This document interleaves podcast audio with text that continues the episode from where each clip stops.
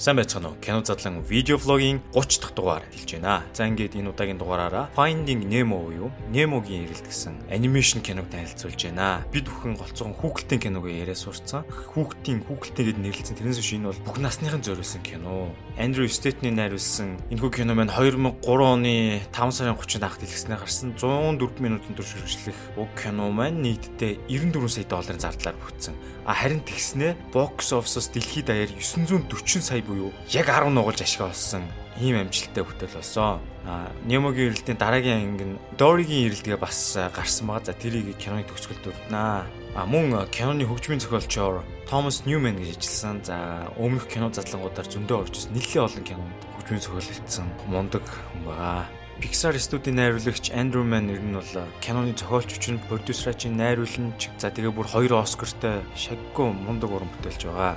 Киноны үйл явдал бол маш товчоор хэлэхэд бол Marlon нэртэй загас өөрийнхөө болох Немогийнхөө төлөө хүлгүүх талаагаас хүний ертөнц хүртэл маш их гэрэл хайгуул хийж явсараад аквариум хүртэл очиод өөрийн бяцхан үрээ олдгоо. Энэ бол эцэг хүний тийм сэтгэлийг харуулсан кино байгаа. Немогийн эрэлт киноны Доригийн дүрд бол нөгөө нэг Ellen DeGeneres дуугарсан байгаа. За та бүхэн нөгөө нэг The Ellen Show гэх телевизэн шоугаар сайн мэднэ. Немогийн аав болох Мартины дүр жүжигчин Альберт Брукстоо оруулсан. Гол дүрдөө оруулах жүжигчдийг сонгох гэж нэлээд их цаг хугацаа шаардсан. Хамгийн гол нь Дори болон Мартин хоёрын хоолойны өнгө айс бүр тэс ондоо байх ёстой гэж шаардлага тавьж ирсэн. Маш удаан хугацааны турш эрэл хайгуул хийсний уг алдартнуудын хоолойг ашиглахаар болсон. За Немогийн эрэлт киноны нэг үзэгдлэр болохоор Немо ингээд шүдний эмчийн ингээд нөгөө хоолойны усаа зайлдаг тэр султууранд унаж далай руу хаягддаг. За энэ хүү үзэгдэл хийхээс өмнө киногийнхан ер нь маш хэмжээний судалгаа хийж бодит байдлаар турш үтсэн юм билээ л дээ. Тэгээд Pixar студ өөр дотроо ингээ бүр 95 литрийн багтаамжтай тийм томоохон аквариум байдаг. Тэр аквариум дотроо хүртэл туршилт хийж үзээ. За мөн энэ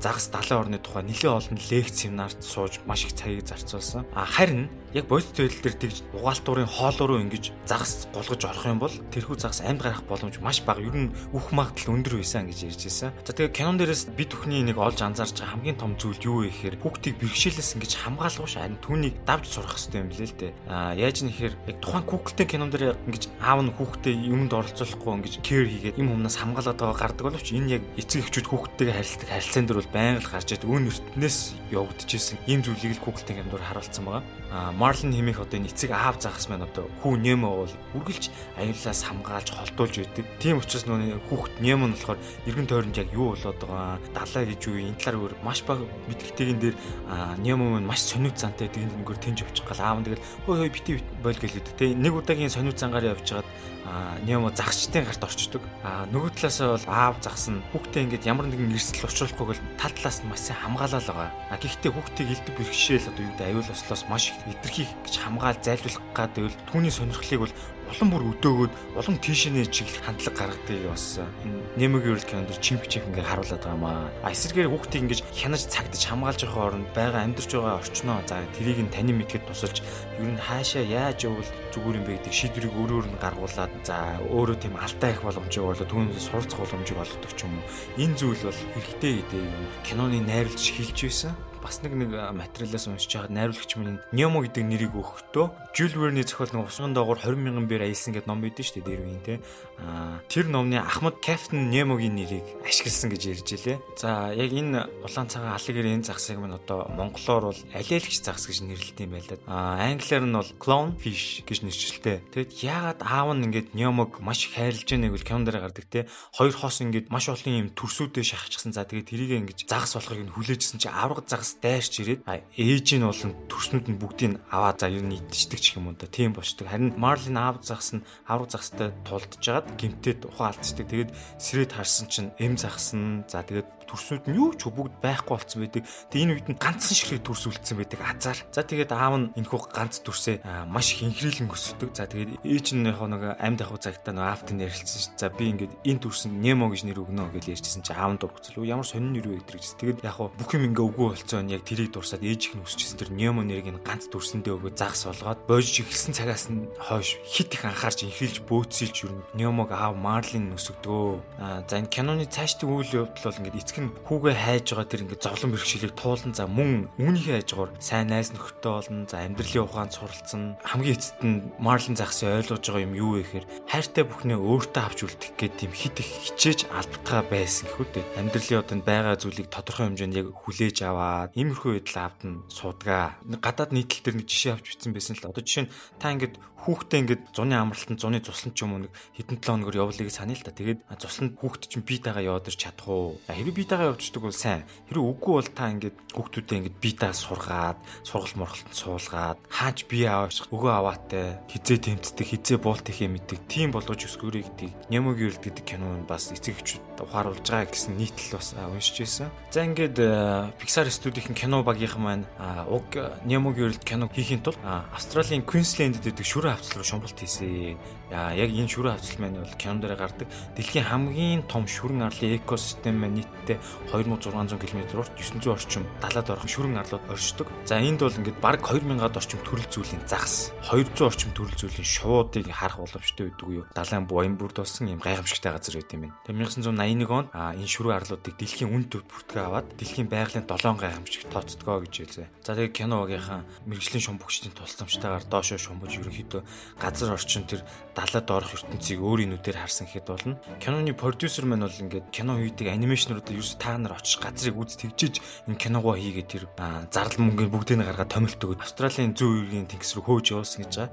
Энэ ч гэсэн маш үр дүнгээ өгсөн. Аялаас ирсэн уран бүтээлчүүд ирснийхээ дараа тэр кинонда үнэхээр шамдан орж үнэхээр гайхамшигтэйгээр ажлын үр дүн бүтээмжүүл маш өндөр байсан гэж behind the scene дээрээ ярьж байсан. Andrew Stanton-ыг харж байна тэрээр э, найрлах саднаас зохиолыг бичсэн. Кино маань 2003 онд гарсан гэж байгаа боловч э, хийх хугацаа нь бол э, бүр 2000 оноос эхэлсэн. Тэгэхээр яг тухайн үеийн тоног төхөөрөмж хэрэгсэл бол компьютер техник хангамж бол яг иймэрхүү байдлаар харагдаж байна. Жохон хуучны байдлаар. Кино багийнхан яг энэ далаа дээр байгаа үзэгдэлтэй энэ анимашныг маш адилхан болгох гэж хичээсэн. За тэгээд зарим дүрсээ бодит ийм орчны дүрстэй харьцуулж үтсэн гэж байгаа. Тэгтэл үнэхээр адилхан байсан. Тэгээд тэр үнийг хийж чадлаа штэ гэж ер нь маш их баяртай байсан тоогоо. Киноны behind scene буюу арын дүрст ярьжээсаа. За энэ та бүхэн киноны storyboard-ыг харж байна. Кино бүтээхэд хамгийн эхлээд зохиол гарч байгаа. Зохиолч маань киноны скриптийг бичиж байгааг та бүхэн дүрснээс харж байна.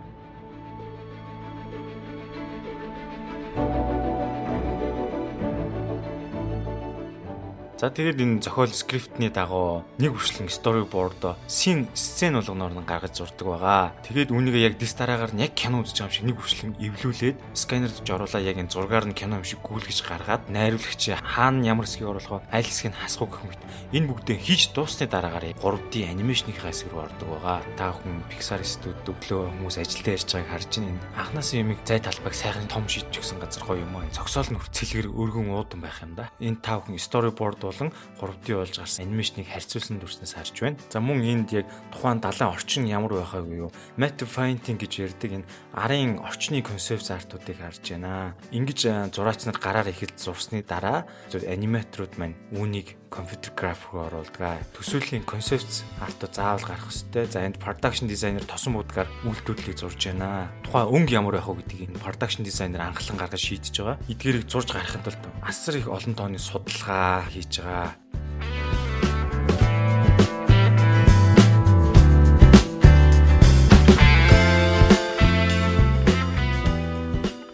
За энэ далаад орох ертөнцийг э, компьютер графаар хийж байгаа хэсэг харагдаж байна. Эхлээд энэ ургамлууд маань 3D битээр гарч ирсэн байна. За за дээр нь particle effect-үүд өгж байна. Энэ болохоор энэ цацарсан юм битүүд гэсэн үг. За тэгээд далаад ингэсэн орчноо өглөө, өнгө өглөө, гэрэл өглөө гэх мэтлэг нэлээ их олон дамжлагыг дамжиж эцсийн дүрс маань гардаг байх нэ. Pixar студ судалгаа хийхин тулд ингэж олон цагийн дүрс бичлэг хийсэн далаад орох загаснуудын за тэдгээр дүрснээс харж байна. Мөн энэ загаснууд маань бол ингэж нүдээ завчиж блинк хийх юм ингээд анимчих зүйл хийдгүү. Аа тийм учраас илүү юм emotional сэтгэлийн хөдөлгөөнийг гаргахын тулд зориудаар ингэж нүүрний хөдөлгөөнүүдийг нэмж гисэн байгаа. За тэрийг хийхин тулд хүн болоод амьтны энэ дүүрний хувирлуудыг эхлээд судалсан байгаа. Тэр дүрсүүдийг харж байна та бүхэн.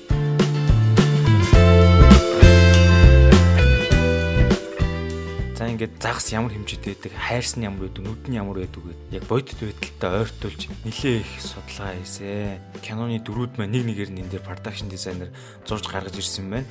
За үүнийг баримл хэлбэрээр бодитоор ингэж хийж байгаа. Ягаад анимашн киног бодитоор хийгээд хийгээд байгаа юм бэ гэж та хүн бодож магадгүй. Гэхдээ энэ бол зайшгүй чухал юм байлээ. Тэр хийгээд аниматорын хажууд тавьчихдаг. Аниматор маань 3D-г яг энийг хийж оруулж явахдаа за эн чинь юу вэ? Энэ дээр дор нь ямар ингэж өөрөө барьж мэдрэх юм уу. Характерыг гаргаж ирэхэд үнэхээр төхөмтэй байт юм лээ. За ингээд дөрүүдийн тест рендерүүдийг харж байна та бүхэн. Clownfish загсны яг ингээд судалгаанууд харагдаж байна.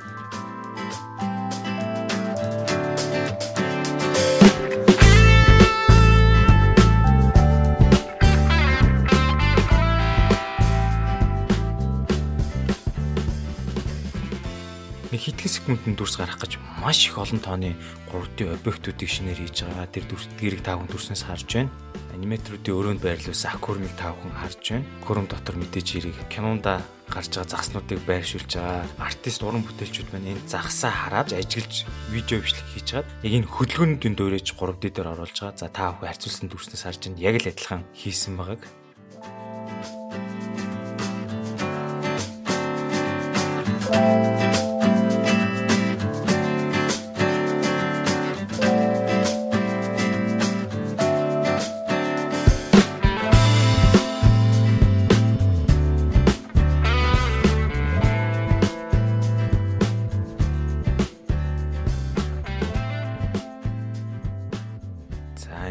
Анхны эхний дүрсүүдэн за энэ дүрс тэнцээгүй учирт найруулагчийн санаагаар дахин янзлж засварлаад нүүрний хөдөлгөөн болон тэр даруй сэврийг яг хүний гар мэтээр ингэж хөдөлгөж оруулж ирснээр илүү их тийм эмошнл сэтгэл хөдлөлийг гаргаж ирсэн. 2000 оны техник технологи компьютер ихтэл бас л хүчрэг байсан байгаа юм шүү. Ийм ийм том том Google-тэй рендерүүдийг хийж уншаад Pixar студио тухайн үедээ л ер нь бол энэ талаараа манлайлагч байсан. Анимашныг хийх зориулж шинээр програм хангамж хийдэг, түндэ зориулж шинээр техник хангамж гэсэн хийдэг. Энэ бүхний талаар та бүхэн энэ Pixar студиг үүсгэн байгуулагч тус студийн гүйцэтгэх захирлаар ажиллаж байсан Edwin Catmull гэж хүний энэ Creativity гэж энэ номыг уншаарай. За монгол хэл дээр бүтээлч INC гэдэг нэртэйгээр орчуулагдсан байлээ. Энэ номыг уншсанаар яг Google-тэй кино яаж хэрхэн гардаг гэдэг бүх зүйлийг анхан шатнаас нь яг тэр уран бүтээлчийн өнцгөөс маш гоёор мэдрүүлэхээр бичсэн байсан. За энд кино багийнхан маань Нёмогийн эрэлт киногаа 100% хийж дуусчаад баяраа тэмдэглэж байна. Барилга өрчөөд нөгөө дам нурууны баяр гэж туу цааш шийдэг шиг Google-тэй киноны аниматорууд маань ч гэсэн яг энэ студи дотроо байрладаг гол гүүрэн дээрээ зогсоод шампансаг задлж инхүү баяраа тэмдэглэж байна. За үгшлүүлээ та бүхэнд дүрснээс энэ гараар эхэлж зурдаг storyboard animation хоёрын харьцуултыг харж байна. Эхлээд энэ зурсан дүрснээс анимашн баг ялгдахын аргагүй яг л ижилхэн хийгдгээ гэдгийг энэ дүрснээс та харж болно. Тийм учраас анимашн бүтээгт эхний энэ concept art буюу storyboard зургийн ажил бол үнэхээр чухал байдаг байна.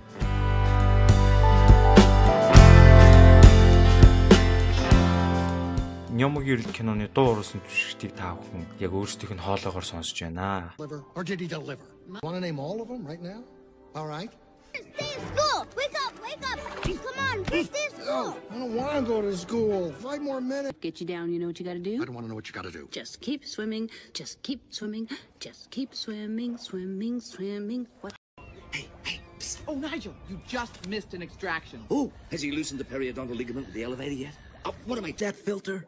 Yeah? You're the only one who can get in and out of that thing. What we need you to do Нёмог ерөл кинонд ингээд дан яс мэлхинүүдтэй хэсэг гардаг. Энэ бол киноны бас гой үзэгдэл тэн дээр ингээд яс мэлхинүүдийн нүд нь бол нэг жоохон тийм манарцсан байдалтай гардаг. За мансууршин гэх юм уу да тий.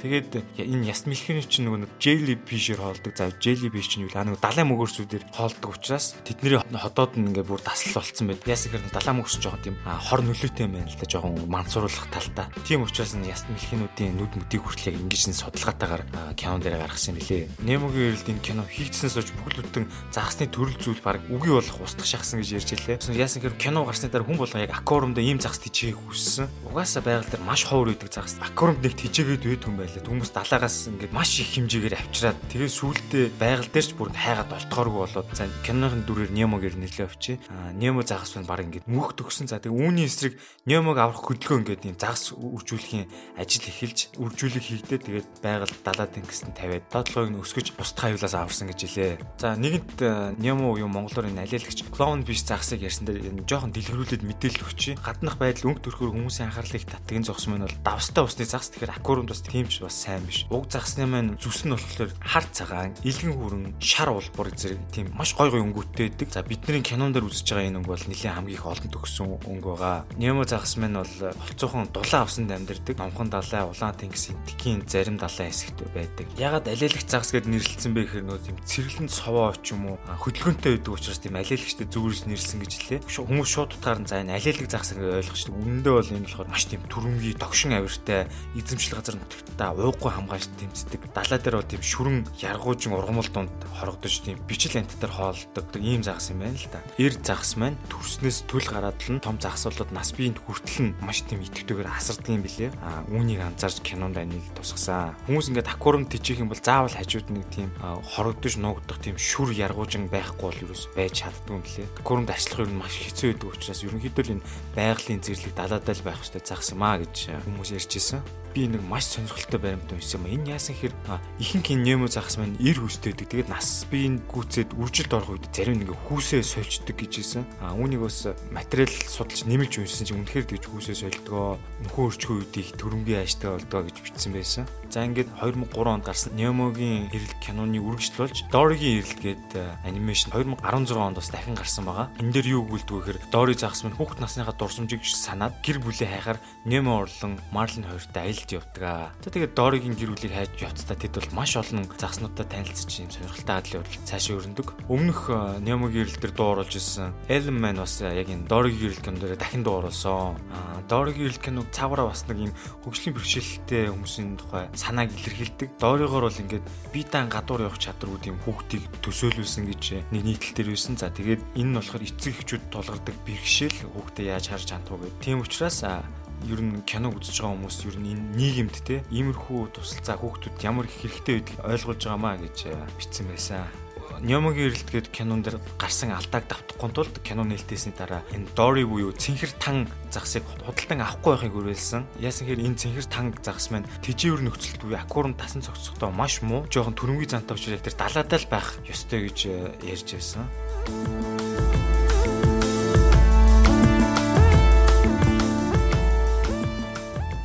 За ингээд кино задлан видео влогийн бүхэл бүтэн 30 дахь дугаар энд хүрээд дуусж байна. Дараагийн дугаараар уулзтлаа. Түр баяртай.